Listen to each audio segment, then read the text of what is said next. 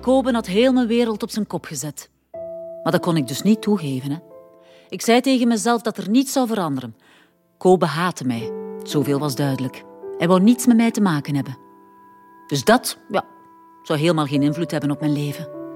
Dacht ik. Maar ik kon het niet van mij afschudden. Kobe kroop onder mijn huid. En ik voelde allemaal dingen die ik niet wilde voelen. Ik werd er zot van. Ik kon mij zelfs niet meer focussen op mijn werk. En dat was wat mij anders overeind hield. Oh, ik vond mijn eigen zo zwak. Gelukkig vond ik de nodige afleiding op kantoor. En niet alleen in het werk. Je weet wel wat ik bedoel, zeker. Hè? Tom en ik, ja, wij werkten goed samen. En wij groeiden steeds meer naar elkaar toe. En onze keuze om meer te focussen op grote bedrijven leverde al direct een eerste grote uitdaging op. Onze belangrijkste cliënt had een gigantische schadeclaim aan zijn been. En wij hadden maar een paar dagen om een verweer op te stellen. Het was een echte race tegen de klok om op tijd klaar te geraken. Veel hebben we die week niet geslapen. En tijdens die lange nachten op kantoor leert je elkaar toch wel mm, ja, op een beetje een andere manier kennen. Hè? Zeker als de whisky wordt bovengehaald. ja, dat lusten we allebei wel. Maar het zag er niet goed uit. Na dagen en nachten zwoegen waren we nog geen stap dichterbij en onze tijd was bijna op. Maar toen, toen vonden wij eindelijk de oplossing. Oh man, de euforie dat je dan voelt, dat is fantastisch. We hadden het gehaald en dat moest natuurlijk gevierd worden. Er ging een fles champagne open, de sfeer was uitgelaten en de seksuele spanning die al een tijdje in de lucht hing, hmm, die bereikte een toppunt.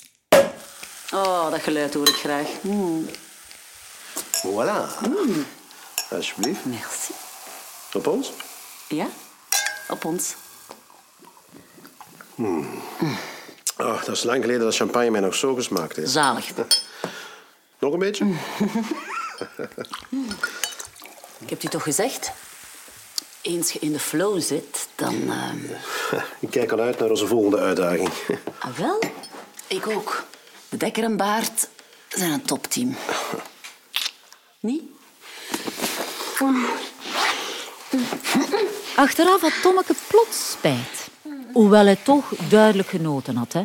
Maar ja, hij wou zijn relatie met Judithje niet op het spel zetten. Ik stelde hem gerust. Ik zou absoluut niks zeggen. En vanaf toen hè, was zijn schuldgevoel plots een heel stuk minder groot.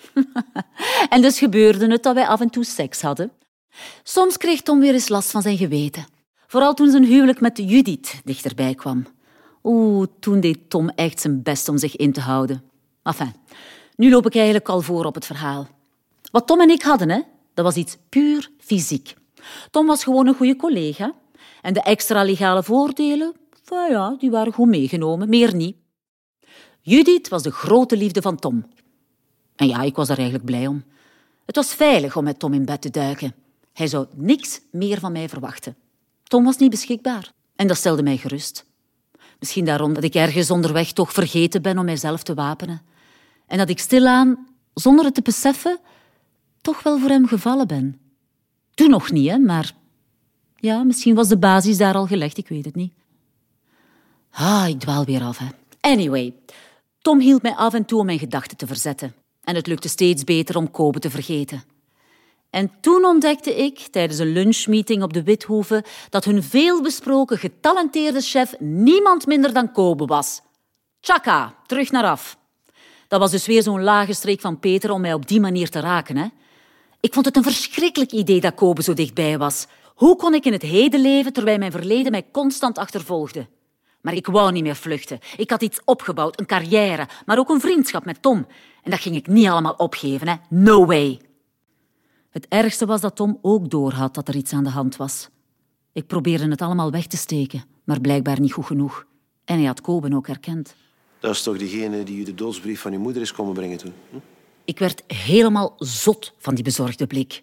Tom bleef maar zeggen dat ik hem kon vertrouwen, dat ik met hem kon babbelen. Maar dat wilde ik niet.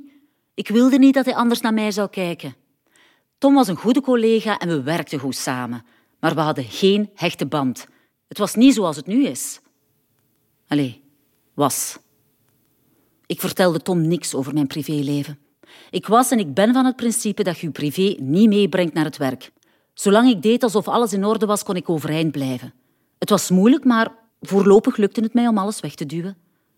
Al zou dat niet lang meer duren. Ik wist toen nog niet dat Steven al een hele tijd teruggekeerd was uit Canada. En dat hij bijna de nieuwe CEO zou worden van RDT Shipping, een van onze grootste cliënten.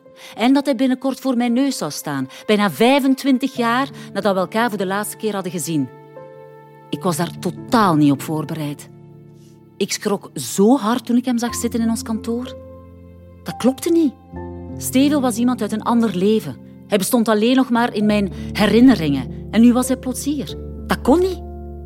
Ik ben weggelopen, nog voor hij de kans had om mij te zien. En ik dacht echt dat ik kon doen alsof het nooit gebeurd was. Maar dat was natuurlijk niet zo. Ik kon alleen maar aan Steven denken. En hij blijkbaar ook aan mij.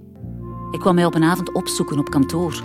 Karen, jij zei het dus. Echt. Sorry, maar ik... ehm, ik verwacht nog een cliënt. Ja, ik wil je ook niet storen. Nog altijd hetzelfde bezige bijtje zie ik. En je ziet er nog altijd even fantastisch uit. Hoe lang is dat nu geleden?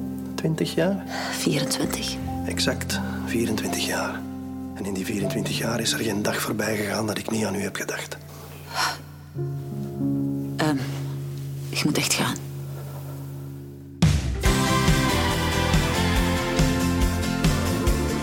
Aflevering gemist?